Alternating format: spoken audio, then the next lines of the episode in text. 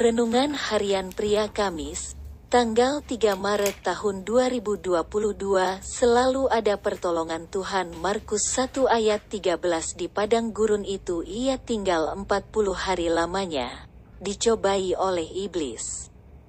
Ia berada di sana di antara binatang-binatang liar dan malaikat-malaikat melayani dia.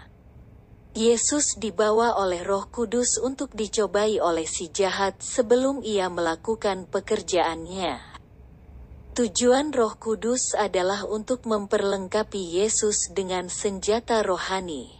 Dan kita dapat mengetahuinya dari firman Tuhan bahwa Yesus berhasil melakukan pekerjaan yang dipercayakan oleh Bapaknya.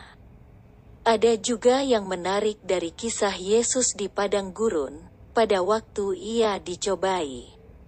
Yesus dilayani oleh malaikat-malaikat Tuhan. Walaupun ada di antara binatang-binatang liar, Yesus tetap aman. Karena Yesus ada di dalam sekolah Roh Kudus yang memimpin dan menjaganya. Begitu juga dengan Anda dan saya ketika ada di padang gurun, ada di dalam sekolah Roh Kudus selalu ada penyertaan Tuhan. Karena setiap tantangan dan masalah yang kita hadapi itu untuk memperlengkapi kita dengan karakter dan kuasanya.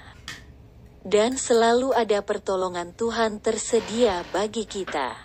Itulah sebabnya, janganlah kita mengalihkan pandangan kita dari Yesus dan firman-Nya kepada sesuatu yang lain. Pandangan kita harus tetap tertuju kepada Yesus dan firman-Nya. Roh Kudus yang sudah ada di dalam kehidupan kita, akan membawa kita mengalami kemenangan demi kemenangan. Selalu ada jalan keluar dari Tuhan bagi kita. Refleksi diri, apa yang firman Tuhan katakan kepada Anda? Bagaimana kehidupan Anda dengan firman Tuhan itu? Catat komitmen Anda terhadap firman Tuhan itu. Doakan komitmen Anda itu, pengakuan iman karena anugerahnya saya selalu mengalami pertolongannya pada saat saya mengalami tantangan.